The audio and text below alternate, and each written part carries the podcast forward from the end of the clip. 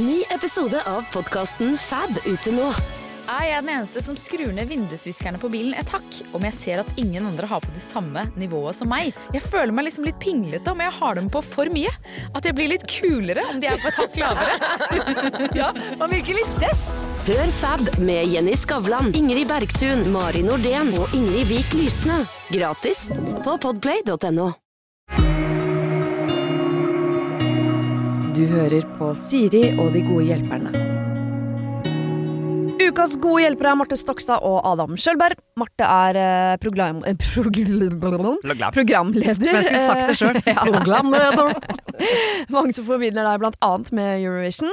Eh, du leder jo disse adresseprogrammene som jeg og min mann elsker.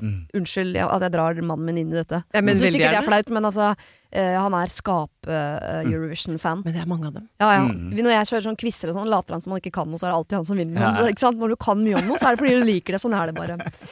Um, og så har vi sett deg i Kongen befaler denne høsten. Ja. Hvem var som vant til slutt? Tete. Tete vant. Ja. Det er litt typisk, nesten. det. ja Han er sånn vinnertype. eh, og altså i min i, min, eh, I mitt regnskap så var det jo feil resultat, selvfølgelig. Da var det du som vant, eller? I ditt regnskap? ja, i hvert fall dytta litt eh, oppover eh, Ja. der. Ja. Ja, ja. Ja, ja. Men eh, gratulerer, Tete. ja, Gratulerer. ikke i det hele tatt. Adam, du er jo eh, komiker, og så har du podkasten Hallo hallo. Og så er du programleder for Good Luck Guys på Amazon Prime.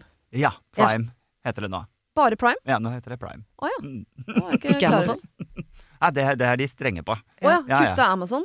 Ja, jeg, jeg, jeg får sånn kjempesmekk hvis jeg sier det, det du sa nå. Jeg kan ikke si det ordet engang. Nei, Ja, skjønner. på Det skal, Prime, ja. Mm. eh, Jeg kommer jo snart på Prime sjøl. Ja. Skal sikkert gjøre intervju i den forbindelse. Da skal jeg passe på å ikke si Amazon. Ja. Fordi amerikanere er jo gærne og blir jo saksøkt. eh. Ja, du Jeg tør ikke si det. Jeg, jeg har sånne amerikanske kontrakter. De er helt riv ruskende. Ja. Du, øh, er du fornøyd med programmet? Du, Ja, ja, ja, ja. Ja. Kjempefornøyd. Det har altså blitt en sesong uten like. for du hadde jo ikke sett det når du dro ned for å lage, men det hadde jo jeg. Hadde og jeg det, ja. elsket jo sesong én, og gleder meg til å se sesong to. Ja, er, vir- ja, faktisk. Nå er det jo fire episoder ute. Ja. Eh, og det er, altså, vi har maksa det på drama i episode fire der, så det tar fullstendig av. Eh, er veldig gøy, og så har det eh, Det har litt mer hjerte, syns jeg, da, nå på denne sesongen her enn det det hadde sist også, så det er fint. Kan det handle om at du er der, og Mayo? Som jeg, altså, hjertet mitt banker så hardt for Adam og Mayo. Ja, det absolutt. Eh, absolutt. Eh, Mayo er en superfin fyr. Eh, han sier jo veldig mye gøy, Ja. eh, og det har han jo alltid gjort. Og Ja. det fortsetter han definitivt med. Ok, det gleder jeg meg til å se. Eh, er dere klare for å gå i gang med problemene? Ja. Mm. Ja. Ok. Skal jeg bli eller gå? heter første problem. Kjære Siri og godhjelperne. Jeg skriver til dere med verdens sikkert eh, eldste samlivsproblem. Jeg er eh, gift med Ken på 17. året, vi har vært sammen i 20. Og min mann er som mange menn, fornøyd så lenge det er sex, og at jeg fungerer som mor og hushjelp. Nå setter jeg det vel nok litt på spissen, altså, men. Sånn på det overfladiske planet så fungerer ting bra mellom oss. Vi trives i hverandres selskap, vi er gode venner, vi ler masse sammen. Men intimitet for min mann er ensbetydende med sex. Mens jeg trenger å kjenne mer emosjonell intimitet i forholdet vårt. I flere år har for lite sex vært et stort tema i forholdet vårt. Når vi har sex, er den veldig bra, så det er ikke der problemet ligger, men Ken viser aldri noe intimitet, med mindre det ender opp i sex. Aldri en klem, aldri den gode samtalen, aldri tid uten TV eller mobil, da, hvis dere skjønner. Jeg har tatt opp problemet mange ganger i løpet av flere år, og det har alltid endt med at vi diskuterer min manglende sexlyst. Jeg har i det siste prøvd flere ganger å snakke om hva jeg trenger. Jeg har foreslått at vi skrur av TV-en, tar et glass vin, hører på litt musikk og andre ting for å kanskje knytte litt mer intime bånd. Det blir ikke noe av. Det har ført til at jeg heller ikke gir noe klemmer eller kyss, for da er det en direkte forventning om sex. Min mann kommer nok fra en familie som ikke viser så mye følelser, og jeg begynner å tenke at dette aldri kommer til å endre seg. Jeg har prøvd å snakke med ham flere ganger, men jeg får ikke noe respons. Han klarer liksom ikke å uttrykke hva han føler eller tenker. Han er bare helt taus etter at jeg har lagt fram mine tanker og følelser. Jeg har nå begynt å trekke meg tilbake og er nok veldig fraværende i vårt samliv. Eh, Det er jo en måte å prøve å provosere fram en samtale og dialog, dialog det. Det kan jeg bare si med en gang. Det fungerer dårlig. Sånn, Det kan jeg bare si med en gang. I hodet mitt har jeg allerede en escape plan, og har nok en fot ut av døra allerede. Jeg håper å høre deres tanker rundt dette. Er det håp? Det som holder meg igjen, er jo stort sett barna, da. Kall meg Hege. Hege, Hege, Hege, Hege. Oi, oi, oi. Hege. Er dette verdens eldste samlivsproblem? En Ja, det er det nok. Jeg vil eh, Jeg har sett eh, i eh, nabolaget så har det vært en del skilsmisser. eh, ikke veldig mange, men noen. Jeg kan vel bare si sånn sett utenfra at eh, det er ikke så gøy. Å skille seg? Nei. Nei. Eh, og heller ikke at, at livet blir sånn joho! Eh, etterpå. Nei. Eh, så Men det ordner seg. Men det tar bare lang tid, og det er liksom Det er mye. Det er mye greier. Mm. Og spesielt med barn og sånn. Eh, så Prøv å unngå det. prøv Ja. Ja. Men ikke for enhver pris. Nei. For du må kjenne på det. Og det at hun eh, sier at hun har én fot eh, ut av døra allerede. Mm. Da lurer jeg på, er han informert om det? Ja, det var vel min første tanke. Eh, også. Fordi at én ting er sånn småklaging på at sånn, «Å, jeg kunne ønske at vi har noen vinkvelder, og Mm. i hans hode så kan det være litt sånn Å, jeg ønsker at vi skal lage litt god mat på lørdag, men det er bare sånn små Ja, Mhm. Det er bare lyd. Ja. Ja. Eh, som han ikke greier å ta Skjønner at han Å ja, dette her kan være liksom dråpen, da. Ja, Mm. alvor. Ja. Eh, og det er jeg ikke helt sikker på om han vet. Nei. At hun har gått og tenkt så mye på det. At hun må ta opp altså sånn Jeg også tenkte det at eh, eh, det er i hvert fall fint å si fra at dette her er såpass viktig for meg at jeg har akkurat nå en fot ut av denne døra. Ja. Eh, og at det er litt sånn make it or break it for meg. Altså. Hvis ikke vi må på en måte Vi må gjøre noe her. Det er én ting at jeg også gir det du trenger, men nå er det på det punktet der jeg ikke får det jeg trenger, og, og jeg har begynt å liksom vandre litt i hodet her. Og jeg tenker, her er det én ting du må gjøre, som er eh, første steg uansett hva som skal skje, og det er parterapi. Ja. Fordi da slipper du å sitte og Være bad kreve. guy. Ja, men det er en utenforstående som sier sånn, vent litt. Ja. Mm. Hva tenker du Hva om det? Og det er godt mulig at han da eh, tør opp litt. Mm. Eh, og hvis han vet at det er det ellers, så går jeg uten at du skal begynne med trusler, da. Ja. Men det må vi for å få Ja. til eh, Og så kan det være dialog. at han også må innse sin begrensning, da, og si at det, det får jeg ikke til. Ja. Det kan ikke jeg gi det. Men Det kan kan jo også noe. være at man i kan- parterapi at hun skjønner at å ja, nei, det var ikke noe Det er ikke bare jeg som ikke klarer å dra ting ut av det. Det er ikke noe å dra ut der. Det er helt tomt inni Ja. det skallet ditt der borte. Men, Det, er ikke, jeg, det har ikke jeg lyst på. Så da tar du den andre foten utafor døra. Og så, ja, jeg er helt enig her, men så måtte jeg eh, Jeg kan fortelle noe om meg selv som jeg lærte, fordi jeg også har et sånt behov for at, intimin, den intime biten også handler om dialog. Ja. Eh, for meg, da. Men så Jeg var jo på, på 71 team og bodde 31 dager i tomannstelt med Jon Almaas. Ja, lånemann. Eh, vi lå ikke sammen. Nei. Eh, vi lå ved siden av hverandre. Ja. Så vidt. Eh. Men eh, Og Jon var jo en sånn fyr som hele tiden sa det der har ikke jeg. Jeg har ikke det klemmegenet. Jeg har ikke det der kosepuset som jeg på en måte ser på som essensielt for å fungere som menneske, som han kalte for kosepusenuset. Ja. Det var Ja. ikke han interessert Fjas, i. egentlig, kaller Ja. han det. Ja. Eh, eh, og så har jeg et så stålfokus på at det er det riktige måten å være intim på. Mm. Eller å være nær på, da. Eh, at jeg Det tok litt tid før jeg også innså at Jon satt våken nesten halvannen time hver eneste kveld etter jeg hadde lagt meg for å tørke mine sko, sånn at jeg hadde tørre sko og sokker når jeg sto opp. Ja. Eh, eller han passa på at han Det var hadde hans kjærlighet. ja, og at han passet på at han alltid lagde mat til at det var nok vann til at jeg hadde kaffe hver morgen. For han var det de, det samme. Og så måtte jeg også liksom se litt at å ja, men han gjør det, men det er hans måte å gjøre det på. Ja. Og da satte jeg veldig pris på det plutselig. Det er et godt poeng, fordi at den måten som man selv gjør ting på, er jo ikke den Er ikke riktig for alle. Jeg bare Nei, kom jeg er på det enig. nå. Altså, det, er, litt- eh, det er jo den eh, klassiske kjærlighetsspråk. Liksom. Hva er det Ja. jeg gir for å vise kjærlighet, og hva gjør du? Ikke sant? Det er ikke nødvendigvis at man får det man gir. At eh, Ofte så ha- har man jo Jeg tror det er ganske typisk at de tingene jeg gir, gir jeg jo fordi jeg liker å gi det, men det er også fordi jeg vil ha det. Det er et signal om at dette setter jeg pris på. Ja. Og det er det ikke alltid man får, for, det er ikke, for man er ikke like på det. Men akkurat om man er på gaver eller tørking av Ja. sko, eller hva man er på, intimitet trenger jo mennesker. Altså, Ja, Det er jo fysiologisk Ja, måte, ja. noe et, et menneske trenger. Og jeg kan skjønne at hun Hege er, da Mm. som kjenner på at dette er vanskelig for meg, det er noe jeg mangler, og hver gang jeg tar det opp, så er det jeg som er problemet. Mm. Fordi, eh, fordi han syns at jeg ikke har lyst til å ligge med han. Eh, det Altså, jeg eh, Ja, så han er jeg interessert i nærhet, men det bare bikker fort over til at eh, når At vi det må er være sex inne i bildet, da. ja. Ja.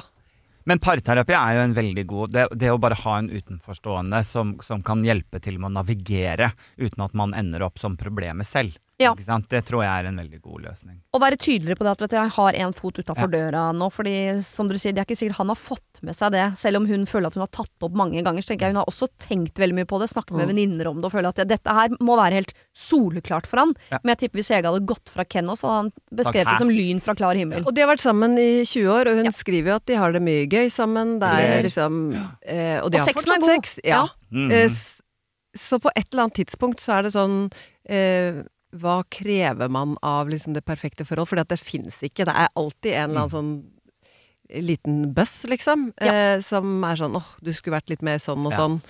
Mm. Det, det som er så dumt, er at det hun ikke får, fører til at han ikke får det han vil ha. Ja. Så det blir jo en sånn uh, dårlig sirkel, på en måte. Ja. Ja. Og så har jeg lyst til å henge meg opp i setningen uh, Jeg har nå begynt å trekke meg tilbake og er nok veldig fraværende i samlivet vårt. Mm. Dette er en måte å provosere fram en samtale og dialog. Mm, Med en fyr som ikke liker samtale og Altså, Ja. dette, jeg vet ikke hvor mange ganger jeg har sagt det, så det er nesten kjedelig å si det, men sånn uh, hvis det er avstand, så kan du ikke gi avstand for å prøve å skape nærhet. Det blir bare mer avstand. Ja. Rett og slett. Og du må jo bruke de verktøyene du har, og hvis det er å prate, du kan sette ord på følelser, så må du bare ja. bruke det. Mm. Ja. Og så finnes det jo sånne Istedenfor å speile og bli sånn nei, men da skal ikke jeg si noe heller. Nei, det tror, jeg, det tror jeg aldri har fungert, det grepet der. Selv om jeg, det, det, jeg bruker det innimellom sjøl. Nå skal Ja, ja, ja, sitte her og jeg se hvor lang tid det tar før du spør. Ja. Er utrolig. Eh, Jeg gjør det stadig. Mm. Men fins det ikke også sånne eh, spill man kan spille hvor det er, som går på intimitet og sex og sånn, hvor en del, noen av øvelsene går på sånn dere skal kline i 20 sekunder, men skal ikke skje noe mer etterpå. Jeg hadde ikke klart det. Det kjente jeg nå. At Det allerede Ble det kleint? Ja, det var Ja, men nå allerede. sitte Men billigere enn samlivsterapi, da? Nå skal vi se hverandre inn i øynene i Ja, og så trakk jeg det kortet. Nå må jeg slikke deg på Må slikke på lillefingeren din i tre minutter og sånn. Ja, uten at det skal lede til noe mer. Ja. Da må du til terning igjen, ikke sant? Wow. Nei takk. Nei! Nei, der er ikke jeg typen heller, ass. Jeg syns ikke kan foreslå det. Kanskje Ken syns det er litt ålreit. For han trenger jo også øve på intimitet som ikke uh, leder til sex. Ja, men så lenge han vet hvor Ja. viktig dette er, så ja. Ok, da Ja. er det greit. Hvis han, for ellers så vil jo det å, å sutte på lillefingeren til hverandre i tre minutter Ja. Da vil det jo lede til sex, da, hvis ikke han vet allerede før de begynner med det spillet at det, Det må stå i spillereglene. Ja, ja. Det er ikke lov å ligge sammen. Nei, ok. Ja, greit. Så Siri, Siri kommer ut med nytt spill før jul. Siri og sexhjelperne heter det. Ikke tenk på det. Følg med håndjern og det blir helt topp. Det greiene timeglass og alt er, alt er oppi der. er. Oi, oi, oi. Nei, eh, Hege, du, må, eh, eh, du skriver jo at du gjør det, har snakket med han flere ganger, men jeg tror du må snakke tydeligere med han og strengere med han om hvor alvorlig dette er for deg. Og så må dere kanskje søke hjelp for at han skal komme over den kneika. Han kommer fra en familie hvor ikke de har så mye følelser. Ja. Han har nok det, han bare har ikke noe Vet ikke språk for å vise det, Ja. eller snakke om det, eller må, Og så har det jo gått i eh, Jeg vet ikke om det har vært sånn i 17 Altså hun har vel visst litt hva slags eh, type det er, og så er det mulig at når barna har blitt litt større, så begynner du å se litt sånn Men vent litt, Ja. er det noen mangler her? Mm. Eh, så også justere litt sånn Ja, ja, og egne behov kan også endre seg. Mine behov kan også endre seg. Hennes behov, Hege sine behov, kan også ha Se endret litt, seg. eh, litt grann større på det totale bildet. Mm. Kan godt være at det fortsatt ender med at hun tenker at eh, nei, her stikker jeg. Men Mm. eh, ta med i beregningen eh, litt annet enn akkurat det. Ja. Og ikke forvent mirakler, for han har jo hatt en personlighet nå i snart 50 år, så det er ikke sånn at han i overmorgen blir en sånn fransk fyr som elsker å drikke rødvin og ha dype samtaler og pjuske Han på blir ikke ryggen. noen annen liksom. type, men Nei. han kan jo just, Altså man kan, sånn som jeg er rotete, jeg, jeg kan ta meg sammen. Det kan du. Eh, Men det krever mer av meg enn andre folk, kanskje. Mm. Men jeg tar meg jo sammen, og da viser jeg at jeg gjør en innsats. Ja. Mhm. Eh, men jeg blir jo ikke perfekt. Jeg blir jo ikke petimeter-type. Nei. Men, Og det kommer aldri til å ligge naturlig for deg. Du Blir ikke Jon Almas. eh, Nei, nei, nei, nei, nei, nei. Så det, blir, det er en kamp, ja. Ja. Men da gjør jeg det lille Ken må også jobbe. Jeg skjønner jo nå Nå skjønner jeg hvorfor hun kaller han Ken, ja. Fordi han er som en slags dukke. Ikke sant? Ja. Tenkte jeg ikke på. Herregud, det går litt treigt uh, nå. Jeg tenkte med en gang at han faktisk het Hege og Ken. Ja, Ja, for jeg kan tenkte hende. at han het Ken, og da tenkte jeg sånn Ja, men da vet du hva du har blitt sammen med. tenkte jeg. ok. Denne uken har eh, Siri og De gode hjelperne et samarbeid med utstillingen The Mystery of Banksy, A Genius Mind. Den utstillingen kan du se på Økernsenteret i Oslo helt fram til 16. juni. Til eh, tross for at Banksy er verdens mest kjente gatekunstner, så er han samtidig også helt anonym. Det er ingen som vet hvem han er, og en av grunnene til det er at han er etterlyst for vandalisme. Kunsten hans er ikke på utstillingen, det er altså 200 reproduksjoner utført av andre gatekunstnere du kan se på Økernsenteret. Og siden han er så anonym og utilgjengelig, så er det også umulig å få en godkjenning av utstillingen av Banksy selv, men folka rundt Banksy, som kaller seg Pest Control, de gjør kontroller og sier ifra hvis det ikke er godkjent. Og det har de ikke gjort her, og utstillingen er derfor å anse som godkjent. Og jeg tenker at eh, Banksy høres ut som en litt sånn eh, kul fyr, selv om jeg vet jo ikke hvem han er, jeg bare ser hva han skaper. Eh, og jeg merker at jeg, liksom blir, jeg blir nysgjerrig på han. Jeg husker en tidligere sjef jeg hadde, fortalte meg at Siri, de som hører på deg på radio, de må enten ha lyst til å bli sammen med deg, eller så må de ha lyst til å være vennen din, eller i hvert fall gå på fest sammen med deg. Da lytter de.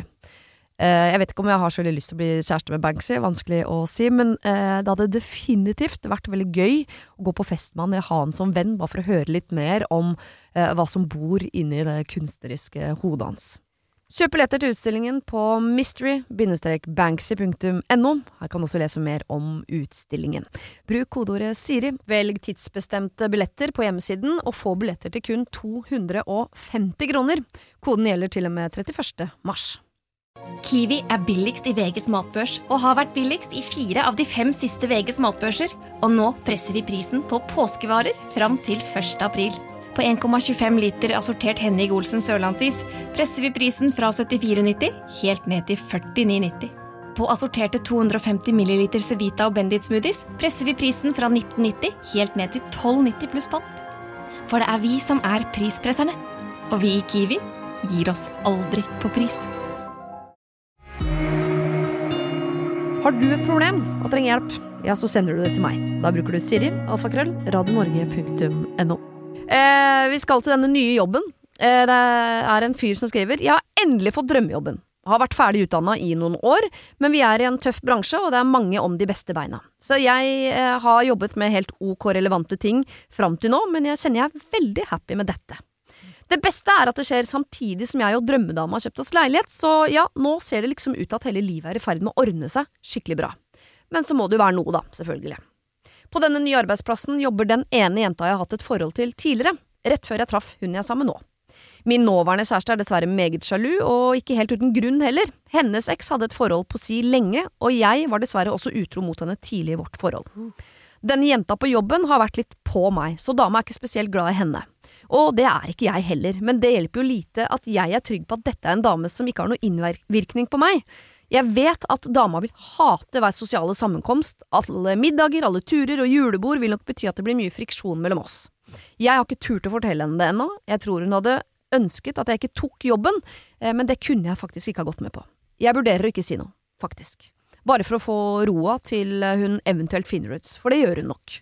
Men kan jeg kjøpe meg et år eller noe, så, nå som jeg er helt ny, uten drama, for å så ta det når det smeller, eller må jeg bare ta det med en gang? Hilsen Petter i anførselstegn. Åh, Petter. Jeg tenker umiddelbart eh, at her må du, eh, istedenfor å ta det opp med henne og si sånn 'jeg vet jo at du er sjalu, jeg vil bare at du skal vite at hun jobber der', Mm. ta det opp som ditt problem. Altså, eh, si Vet Å du hva? nei, June. Jeg kaller henne Ja. June, for det er min sånn nemesis. June Ja. Jo- jobber på samme sted som jeg skal begynne nå. Ja. Og hun syns jeg er så slitsom. Altså, vær ærlig på akkurat, for han skriver jo at eh, Han liker ikke Juna han. Nei. Nei. Så hvis du sier det Fordi at hvis du bare sier sånn Det er ikke noe mellom oss, altså, men June jobber der, og Men du må være bare Å, fy søren, det syns jeg er litt slitsomt. Ja. Ta det sjøl, på en Ja. måte, istedenfor at hun skal bare være en samtalepartner som Ikke legg han problemet på henne, bare. Nei. Legg det på deg sjøl og si at jeg også syns det er vanskelig, og jeg er ikke noe glad i henne sjøl. Ja, det syns jeg er vanskelig, istedenfor at uh, At dette det syns nok du er litt vanskelig. og Ja. du vil ikke like det når han skal fortelle deg. Ja. Og ikke bare Jobber. det, men det der å kjøpe seg det året og ta den smellen når det kommer, det er, da har du allerede løyet et år. Og da vil jeg Eh. og, og komme tilbake da og si at jeg var så redd for at du skulle. Nei, Nei, nei, nei. Og hvis hun allerede har liksom noe mistillit som ligger og går fra tidligere helt ting, kort. Masse antagelig. Mm. ja, så det å da gå det året og ikke si noe, det bare adder til, til problemet som hun allerede sliter med, og du- vil skape enda mer mistillit fremover. Du trenger kanskje ikke, hvis eh, Petter da mener at June er litt på, Ja. eh, det, trenger du kanskje ikke å informere om. For det er jo en følelse Ja. eh, som Med Ja, mindre det, det det er virker sånn som det er noe dama er klar over. Med mindre det er sånn sende meldinger og sånn, og da må han jo være tydelig på Ja. til June at uh, jeg er i forhold, det går ikke. Men hvis det bare er en følelse at hun har en flørtende tone med han, Mm. det, det, er, det ville jeg ikke tatt med kanskje inn i den historien. For Nei. det er jo Det kan tolkes på forskjellige måter. Er det Åh, også- Kanskje vil ha meg, det er så slitsomt. Er det også mulighet for han å også da konfrontere June og si at dette syns jeg er veldig ubehagelig, eh, hvis hun har en flørtete tone? Jeg, jeg, det, du må slutte med det. Det er lov Ja. å si det til noen. Ja. Hvis, hvis jeg hadde ant at noen hadde en Eller driver han og flørtet med meg, og så tatt en sånn kaffe og sånn 'Nå må du slutte å flørte med meg'. Så flaut. Hvis bare «Nei, Jeg er bare vanlig hyggelig, Ja. ikke sant? Nei, men det er greit. Da tolka jeg det feil. Jo, men det kommer an på hvor jo på hun er, da. Ja. Ja. Hvis det er en eks som du faktisk har Du har jo hatt noen samtaler her oppe gjennom livet med, med denne personen. Og hvis det er En ting er hvis det er en flørtende tone som kan tolkes flere veier ut ifra hva han føler. En annen ting er hvis hun faktisk gjør eh, fremstøt. Ja. Som, som kan være ubehagelig på, på jobb Men da må Petter Petter også være god og snakke om kjæresten sin i sosiale sammenhenger, Ja. nevne henne for June, Mhm. ta henne med på ting hvis det er naturlig. Ja. Eh, vise helt tydelig til alle deg. på jobb at eh, jeg har eh, kjæreste som jeg er veldig fornøyd med. Ja. For da tror jeg det roer seg automatisk. Mhm. Hvis han bare sånn 'jeg vet at du har kjæreste, men det blir aldri nevnt', eller eh, Men kan jeg snu på det Ja. også og si at jeg er jo helt enig i at man skal ikke la denne jobben gå pga. hennes sjalusi. Nei. Det er jeg også helt enig i. For det er hos henne. Og, Mm. det er, og det er jo tydeligvis gode grunner til at hun føler det sånn, men, mm. men det er noe hun må jobbe med. Ja. For han, eh, hvis han bare spiller med helt åpne kort og sier at jeg skjønner at dette er kjipt, det er det også for meg, Mm. men vi skal ikke lage noe problem ut av dette, fordi at det er Mm. oss to, og det har ikke noe innvirkning på Mm. meg og min hverdag, bortsett fra at det er irriterende at hun er der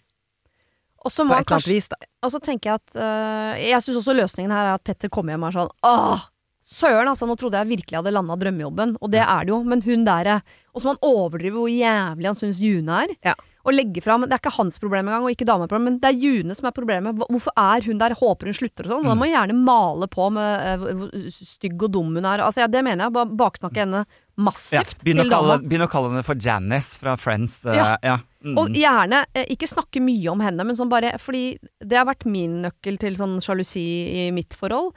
Fordi jeg vet at jeg jobber i et yrke hvor jeg til stadig treffer liksom nye, spennende mennesker, egentlig. At jeg er ganske god overfor min mann.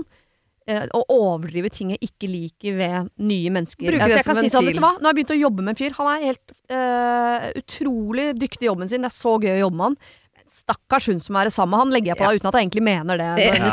Sånn, fordi han, eh, han kunne jeg aldri At noen Ja. faller Tenk at noen ligger med Altså sånn bare For jeg må, Mm. jeg må avmystif... Altså jeg må gjøre de uattraktive eh, i hans øyne Hvis du skjønner? Altså, Ja. Jeg må bare gjøre At han, Mm. han skjønner at det er helt uaktuelt For det er jo en trygge han i bety- det. Ja. betryggelse for henne. Og det kan Eh, Petter gjøre med June. Han må Og bare så kan han vel si på jobb til en leder at bare hvis de skal sette sammen, nå vet jeg ikke hva slags jobb dette er, men team og sånn, at bare hun er eksen min. Ja. Mm. Eh, så ta det med i beregninga, bare at det er ikke Hvis jeg kan sette sammen noen andre Ja. eh, på gruppearbeid, som jeg regner med at de driver med, så, så gjør, gjør gjerne det, da. Og så vil jeg ikke framføre men, eh, eh, Og hvis vi skal på sånn turer og julebord og sånn, som vi sikkert skal på framover, så kan han også overdrive den trygginga litt i begynnelsen.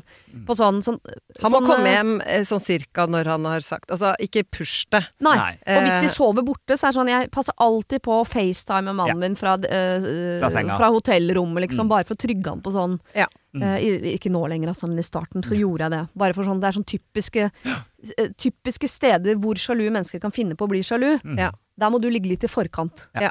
ja. Ok, Petter. Gratulerer med drømmejobben. Mm. Her må du jobbe litt eh, også parallelt med å trygge dama som er Og du må sjalu. si det. Og du må si det med en gang. Mm. For som du selv sier, hun kommer til å finne ut av det på et eller annet tidspunkt, og da er da vi Og da får du ikke rodd i land de greiene. Nei, nei, nei. nei. Nei, nei, nei. For da har du jo ljugd. Hvorfor hva skal, Da Hvordan skal vi vite at ikke du ljuger nå? sjøl, så da, og da kommer den forrige historien opp igjen, og så Mhm. Ja, er det er ferdig. det Ja. Lykke til! Lykke til med det. det. Uh, ok, her er den som starter bra. Uh, I februar ble jeg mamma til verdens nydeligste gutt, kall han Isak. Jeg elsker å være mamma, og jeg er uendelig takknemlig. Uh, det var ikke selvsagt at dette skulle skje. Mannen min, kall han Jakob, som jeg har vært sammen med i tolv år, gikk med på å prøve da jeg ymtet frampå at dersom det ikke ble barn med han, så måtte jeg begynne å tenke på om jeg skulle bli hos han, eller forsøke å finne en annen som også ville ha barn. Deretter fulgte ett og et halvt år med prøving og tre spontanaborter før det endelig satt. Videre hadde jeg et krevende svangerskap med, og barseltid med hyperremesis Sorry, jeg er ikke så god til å lese fremmedord. Eh, ekstrem kvalme betyr det. Eh, og bekkenløsning. Begge deler så ille at jeg var sengeliggende og sykemeldt nærmest hele svangerskapet og de første månedene etter fødsel. Statistisk sett er det høyere sannsynlighet for at jeg får dette også ved et eventuelt neste svangerskap. Oppsummert, en veldig krevende prosess emosjonelt og fysisk, både for Jakob og meg. I forkant av fødsel var Jakob innstilt på at det å få barn kom til å bli skikkelig fælt. Han sier nå at det ikke blei så ille som han trodde eh, at det skulle bli, og at det var verdt det. Og det er fantastisk å se hvor glade de er i hverandre, og en herlig sønn-pappa-relasjon. Men her kommer mitt problem. Han sier at han syns ett barn er passe, men jeg vil ha en til! Ikke med en gang, altså, men når Isak er to, tenker jeg det har vært passe å prøve å få en til. Og jeg har latt dette skinne igjennom, vi har ikke begynt å snakke konkret om det, så det hun lurer på er hvordan kan jeg gå fram for å øke mine sjanser for at vi en vakker dag er en flokk på fire? Gi meg gjerne innspill på en plan jeg kan iverksette over det neste ett og et halvt året. okay. Det er Tegn og forklar, folkens. Ja. ja. Det er jo å sørge for god stemning frem til det valget skal tas, da. Ja. For det er jo, hvis han ser tilbake på La oss si når Isak er eh, to år, da. Hvis hun skal begynne å ymte frampå da, eller ta det opp ordentlig. Så eh, hvis de to årene har vært eh, dårlig for parforholdet, Mm.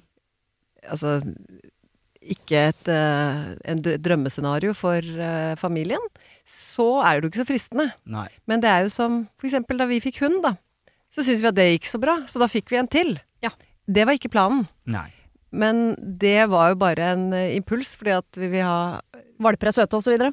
Ikke sant? Og så gikk det jo så bra. Og så gikk det jo så bra med nummer én. Så det er jo, tenker jeg, jo, er jo det viktigste. At det bare sørger for å liksom eh, ha et velsmurt familiemaskineri. Men gikk det så bra med to hunder? Bare lite oppfølgingsspørsmål. Gikk det så bra som dere Nei, det var en helt annen type, da. Ikke sånn. Neste. Det ble jo ikke det er kloning av den første. Sånn er det jo gjerne med unger òg.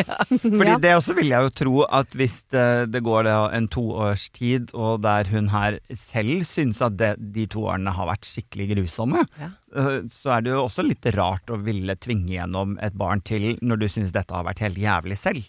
Ja. Så, så det igjen ligger jo litt sånn til grunne her at hun også har syns disse to årene da oppimot er fine. At det er gode år selv, og at du selv har lyst på disse to barna, ikke bare tenker at jeg må ha to barn. Men du kan jo vente litt, for jeg husker at da jeg fødte eh, min første sønn, så var jeg litt sånn 'Dette må jeg gjøre igjen nå!' Altså man er jo litt Og det husker jeg. For da jobba jeg hos NRK. Du var helt uh, euforisk. Mer, eh, altså- mer gravid. Ja, ja, og så Ja. ble det jo to til, da. Eh, men uh, vent nå litt, for nå begynner hun å stresse det allerede Ja, ja. nå. Ja. Vent og kjenn litt etter selv Kos òg. deg, og kom liksom i gang med litt eh, barnehage og få tilbake litt kropp og forhold og sånn. Mm. Og så kan dere For du, det er jo ikke sikkert at du kjenner det samme Jo, det er det. Men han har jo også, også har han, han har jo også sagt her at han syns dette var, gikk mye bedre enn han hadde sett Så han for seg. virker jo positiv òg. Så Det kan hende at hun har også en liten andel her som bare er hennes frykt, som, ikke, som hun legger på han, Ja. eh, på en eller annen måte. Men jeg skjønner for eksempel Jeg har jo da fått tre barn på slump, sånn sett, eh, uten at det har vært planlagt. Ja. Ramla inn, ramla ut. Ja. Ja. Og, eh, og jeg tror jo ikke vi hadde fått de barna hvis vi hadde satt oss ned og sånn Ok, skal vi planlegge å få et til? Mm. Så det var jo deilig at det bare skjedde. Mm. På grunn av manglende forståelse for prevensjon, da. Ja. Ja. Hvor skal den greia her, da? Jeg vet ikke hva dette er. Og det skjer så fort, da! eh, men her virker det som at her må det jo planlegges, og det er jo mye For hvis man får muligheten til å planlegge, så eh, er det jo ok, men nå ungen er under et år. Mm. Nei, men la oss kose oss med dette barnet. Mm. Det er for tidlig å begynne å prate om det kanskje nå. Hvis han er eh, Han må bare sette seg litt i farsrollen og se at det er spedbarnsperioden går over, og at det blir gøyere og gøyere.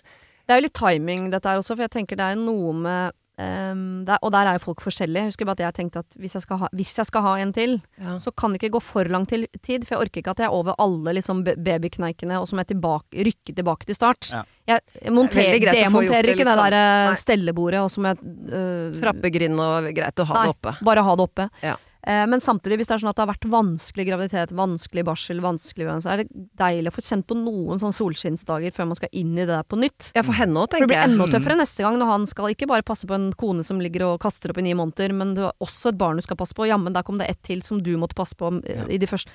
Så jeg skjønner at det kan være litt sånn eh, Virke litt avskrekkende, kanskje. Ja. Uh, så jeg ville Og jeg ville hvert fall ikke Jeg ville ikke ha ymta nå eh, i det neste året, i hvert fall. Hvis det har vært litt sånn antydning til mas i ett år, to år, og så blir man begynner å ja. kreve, da er han allerede Han er lei av at du snakker om barn nummer to, han, så da er han jo mye Mm. vanskeligere.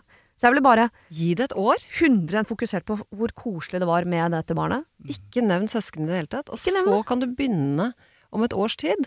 Bare og, da- og da tar du det opp på en ordentlig måte. Altså sånn Mm. En jeg gang har, ordentlig lyst er på, bedre enn 100 ganger. jeg har lyst på et barn til. Og så tenker jeg, hvis det bare Det blir ikke et barn til, så tenker jeg Uh, ikke tenk på det barnet du ikke har. Tenk på det barnet du har. Ja. Altså, helt ærlig. Og det går helt ærlig fint å ha ett barn også. jeg, skulle veldig, altså jeg er veldig glad i begge barna mine, og jeg har lyst til å ha begge for bestandig. Bare si det før jeg sier det jeg nå skal skal si. Ja. Livet med ett barn høres helt nydelig ut. Altså, Ja. Jeg ville bare ha ett barn. Nå har jeg to, da, og så ble jeg glad i begge. Det er jo Du er han, på en måte. Jeg er litt han. Eh, Men som jo også da dessverre da sier at eh, hvis han ikke vil ha et barn til, og han får et barn til, så blir han like glad i barn nummer to. Ja. Så ja. Mm, men ikke mas. Det er mitt Nei, det tror jeg, eh, og, ytterste og ikke sånn småhinting. Det hadde vært litt gøy med to, da, hvis du ser noen på lekeplassen med to barn. Ja. Eh, Bare Det dropp, eh, dropp det, Mm. og så ta det heller ordentlig opp Og heller eh, kose seg i disse to årene. Ja. ja. Lag det til verdens beste to år. Ja. Det tror jeg er den beste måten å, å groome han på. Wow. wow. For det er det vi holder på med, ikke sant? Ja, ja, ja. ja. Nei, jeg er faktisk litt sjokkert over denne samtalen mellom dere to. Jeg var Ja. sånn, Å ja, det er så sneaky, ja. ja, ja, ja, ja, ja. Og jeg er skjønner sånn. ikke prevensjon! Nei, ja, ja, ja. Det er så sneaky, ja. ja, Så jeg, jeg satt litt på sida her nå og var litt Ja. Ja, men pass sånn, deg yes. for kvinnfolk. Altså, jeg holder meg til mannfolk, jeg. Ja, jeg tror ikke det er så dumt. Denne uken har eh, Siri og De gode hjelperne et samarbeid med utstillingen The Mystery of Banksy, A Genius Mind. Den utstillingen kan du se på Økernsenteret i Oslo helt fram til 16. juni.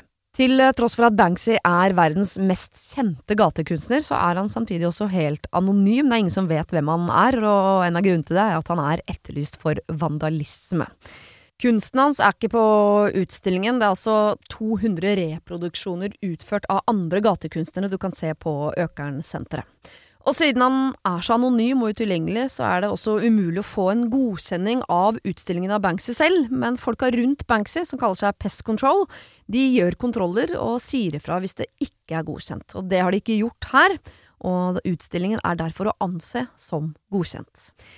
Og jeg tenker at eh, Banksy høres ut som en litt sånn eh, kul fyr, selv om jeg vet jo ikke hvem han er. Jeg bare ser hva han skaper.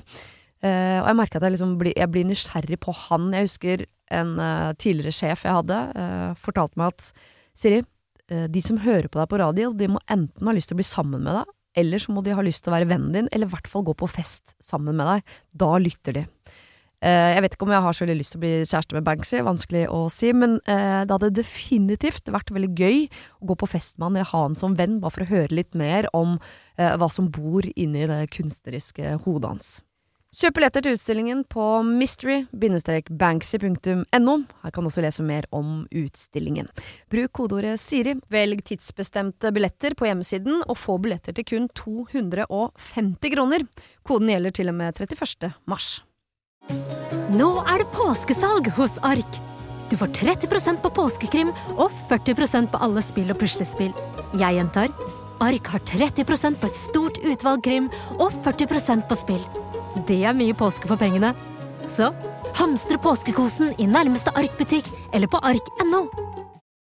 Kiwi er billigst i VGs matbørs og har vært billigst i fire av de fem siste VGs matbørser. Og nå presser vi prisen på påskevarer fram til 1. april. På 591 gram Toro vaffelmiks presser vi prisen fra 35,90 helt ned til 29,90. Og 410 gram Lerum jordbærsyltetøy presser vi prisen fra 29,40 helt ned til 22,90. For det er vi som er prispresserne. Og vi i Kiwi gir oss aldri på pris.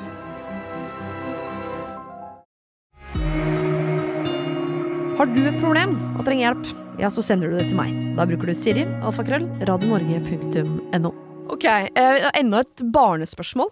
Ja. Orker du, Adam? Ja, ja. Ja, ja, ja. ja. Datteren vår blir tolv år i desember. Eh, jeg har prøvd å regne på det, at jeg tror det går siste året på barneskolen. Bare sånn at du er sånn, ja. Ja. Ehm, og for første gang på flere år har hun faktisk lyst til å feire den med venner. Bare det å kunne skrive ordet venner får meg nesten til å gråte, for det har hun ikke hatt mange av.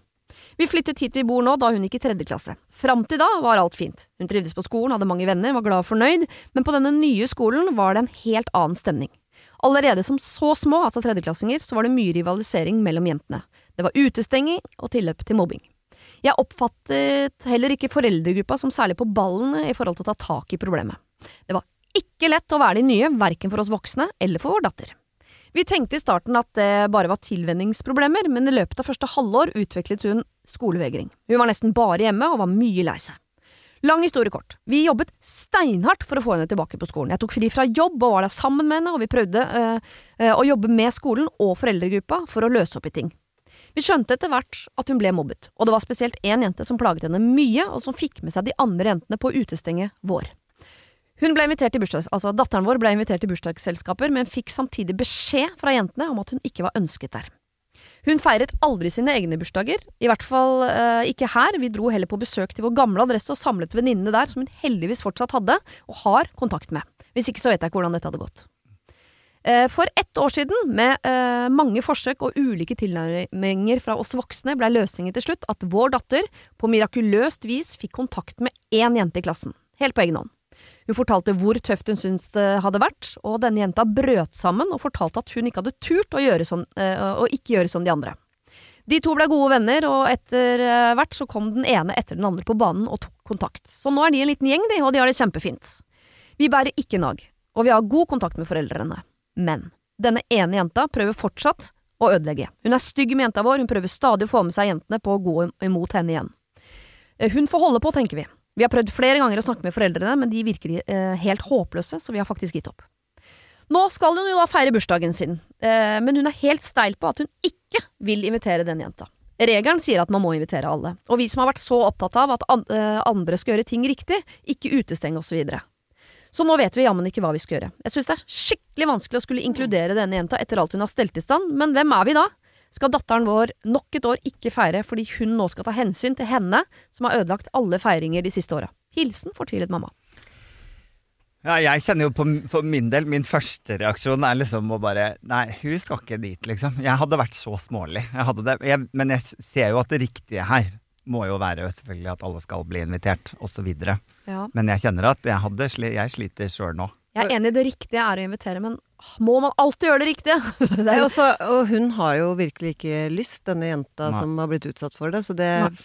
gjør jo dagen hennes antageligvis dårligere. Mm. Jeg ville vel eh, Nå sier hun at det er god kommunikasjon i foreldregruppa, bortsett fra Disse Ja, jeg tenker jo at eh, egentlig så burde jo den jenta som For det er jo synd på henne òg, mm. som holder på sånn. Mm. Eh, for det kommer jo til å bli problemer fremover. Ja.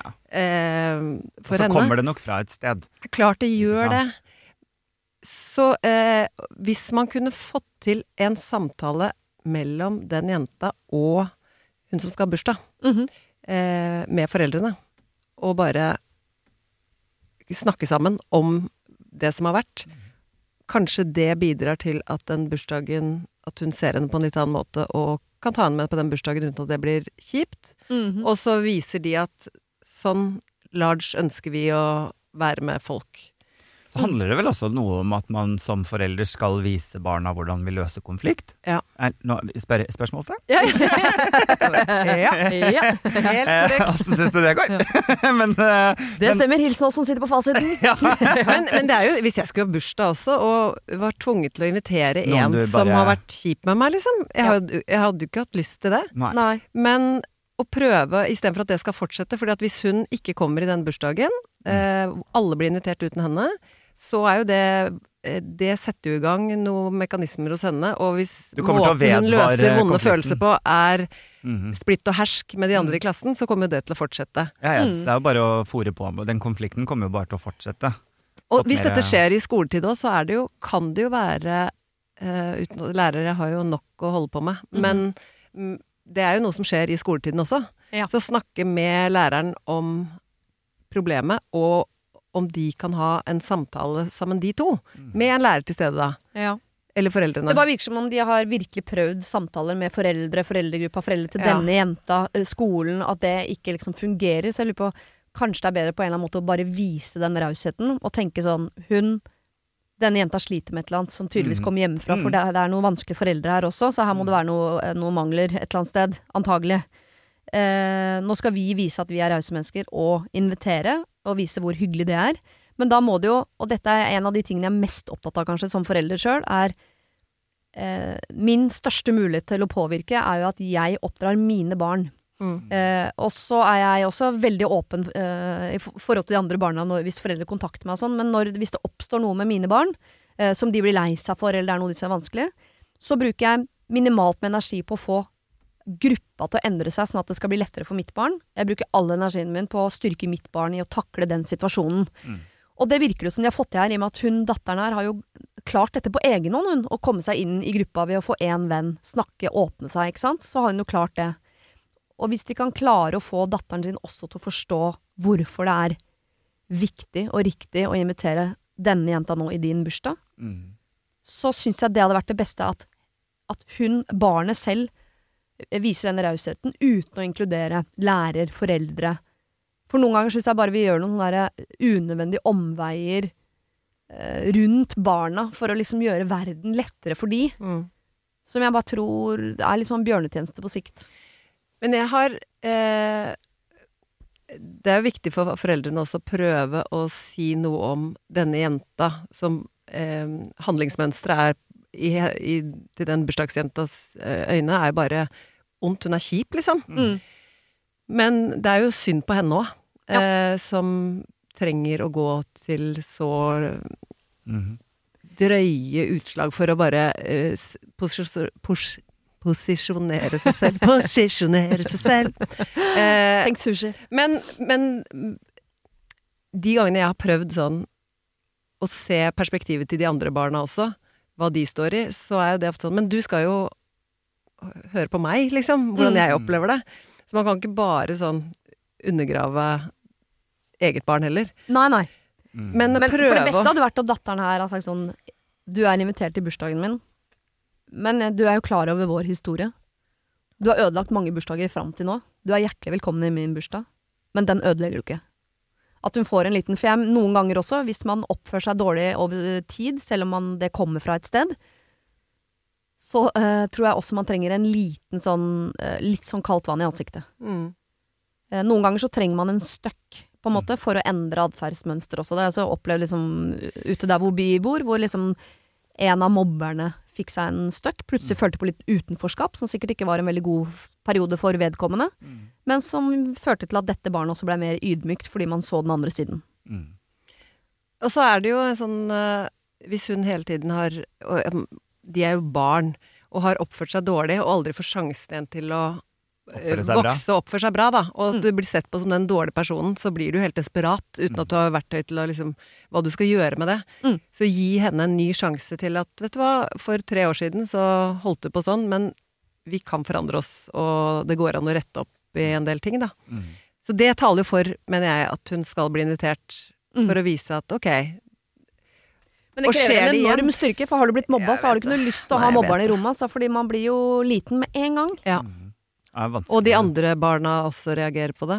Mm. Men da har du på en måte snudd, da, fra at den mobberen nå blir stående igjen utenfor. Mm.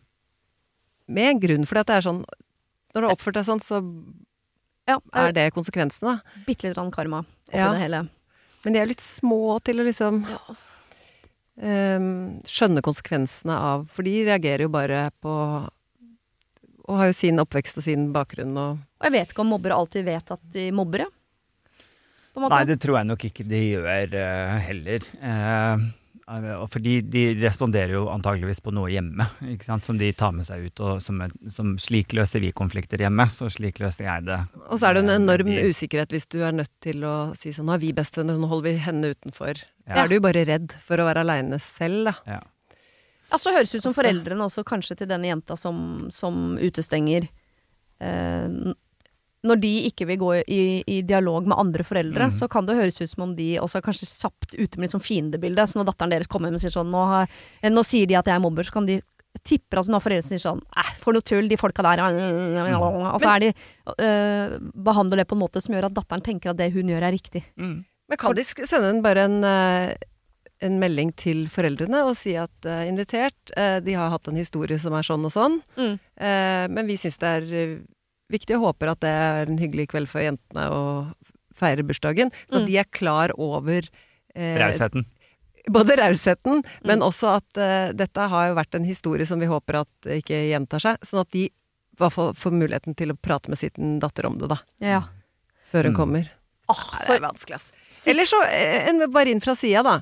Eh, de er tolv, da begynner man jo, for i starten så er det sånn at alle skal med på bursdager, og så etter hvert så er det jo, så lenge alle har noen, eh, om man er fire-fem stykker som drar på kino, eller mm. på et eller annet tidspunkt så løsner jo det der opp. Rundt 14-15, vil jeg si. Jeg lurer på om det er på ungdomsskolen. Du skal over på ungdomsskolen før du løser opp i gruppa. Altså. Mm. Selv jeg vet- jo at noen gjør det uansett, Ja. men uh, kanskje Jeg tipper sånn hvis du hadde invitert to i klassen. Dro på kino, så Ja. er det nok litt innafor. I hvert fall med hennes historikk, så tenker jeg at det Men ikke åtte, godtar de. på en måte. Mm. Men ikke åtte av ni, hvis Nei. du skjønner. Det, da er det utestenging.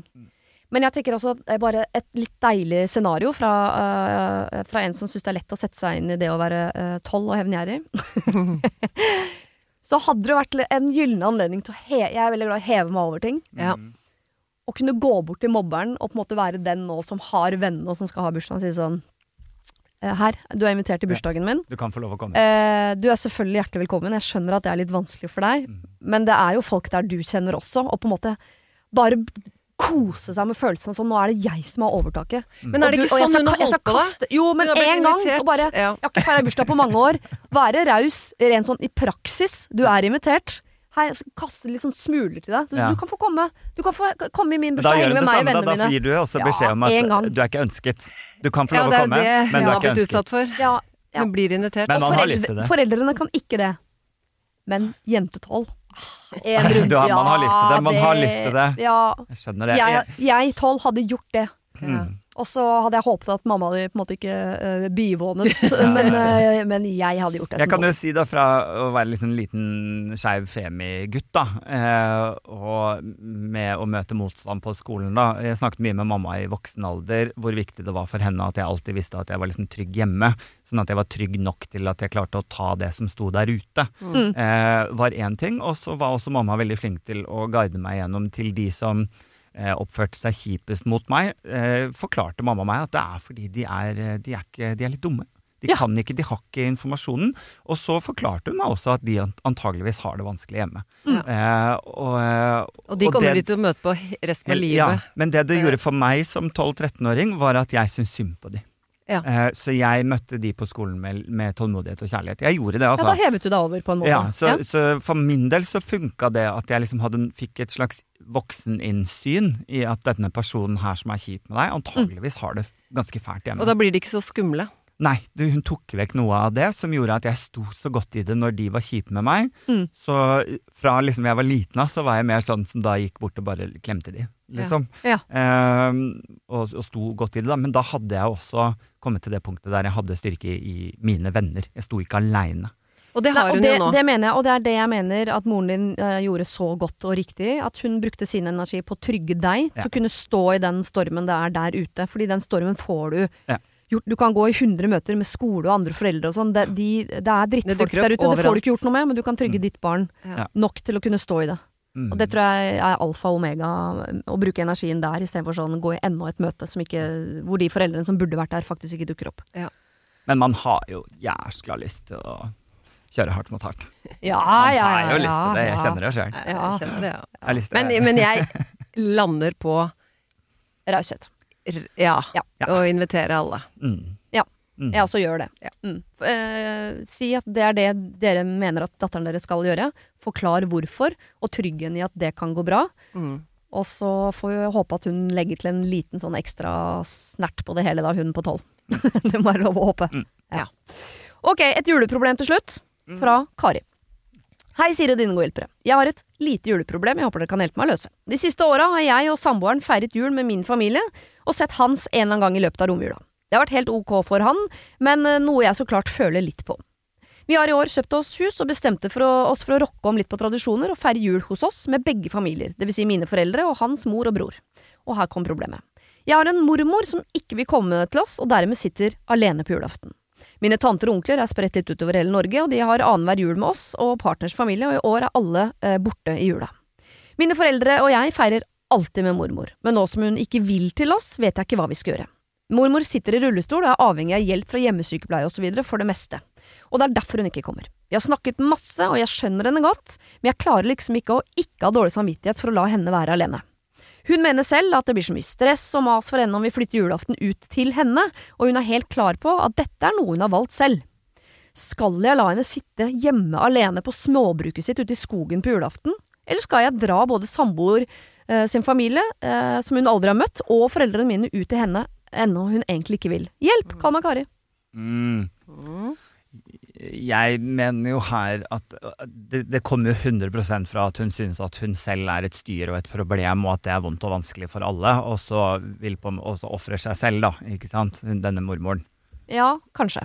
Føles jo litt sånn ut. Ja. Ja, ellers så kan hun kan jo ja, enten være sånn og det blir for mye for dere, eller det blir for mye for meg. Ja. Eh, at hun syns det blir for stress og uoversiktlig og mye nye folk. Hun kan bruke det som unnskyldning òg, fordi at Ja, ja, hun vil ikke det vi, vår familie, gjorde med, eh, med bestemor eh, da hun ble eldre og ikke var helt liksom sporty lenger og til beins, eh, så valgte hun noen timer som hun orket, og så kjørte vi frem og tilbake. Og så, og så kjørte vi henne hjem da det på en måte blei for mye for, for henne, rett og Ja.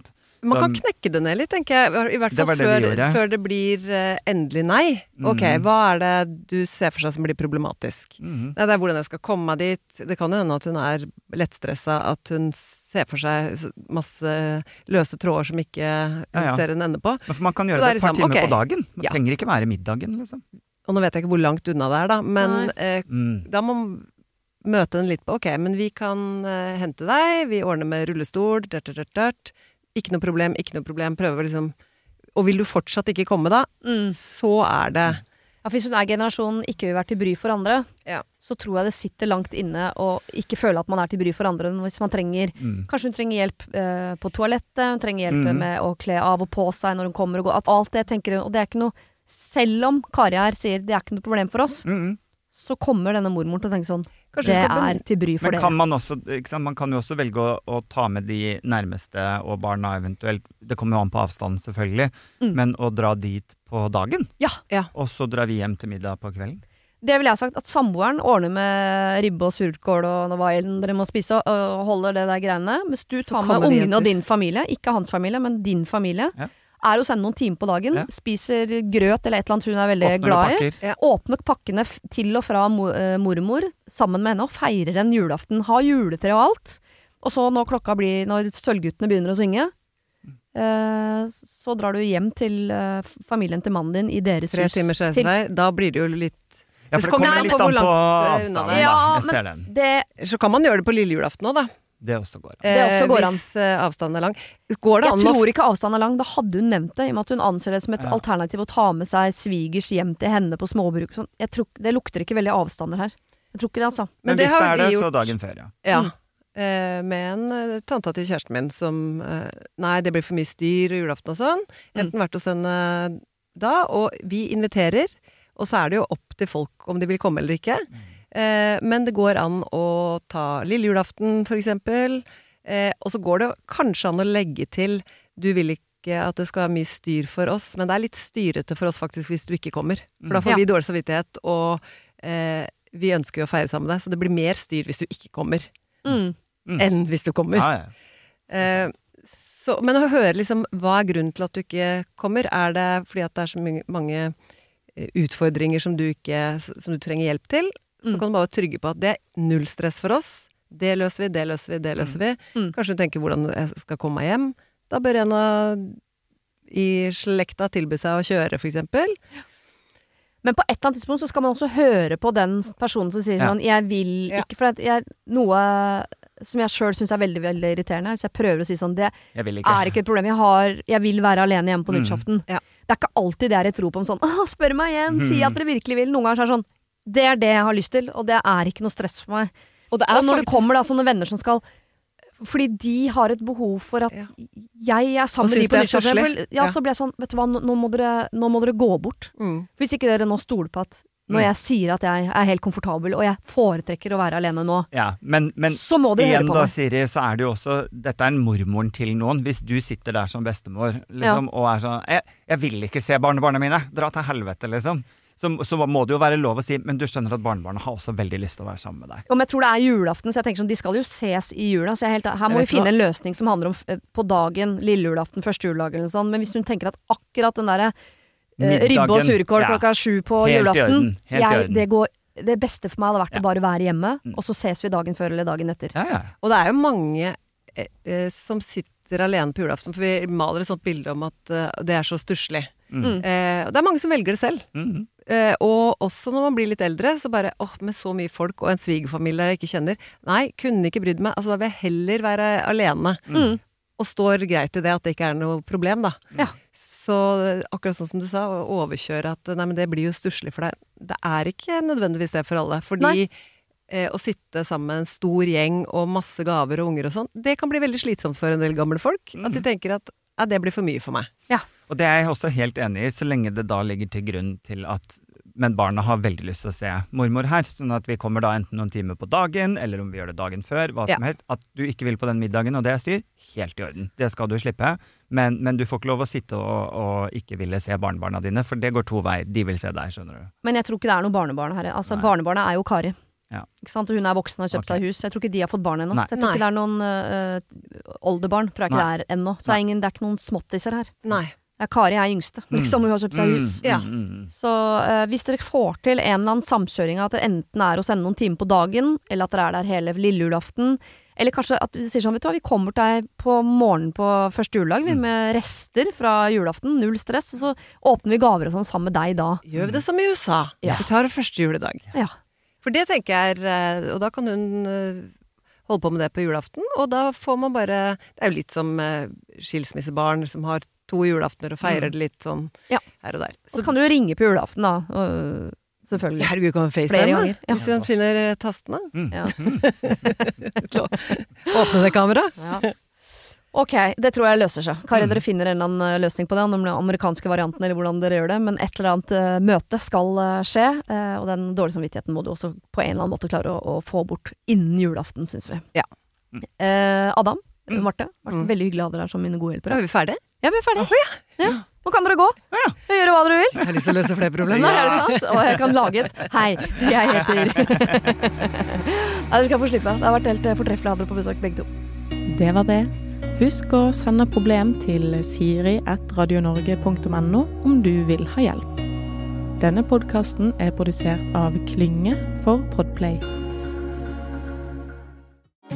Nå er det påskesalg hos Ark.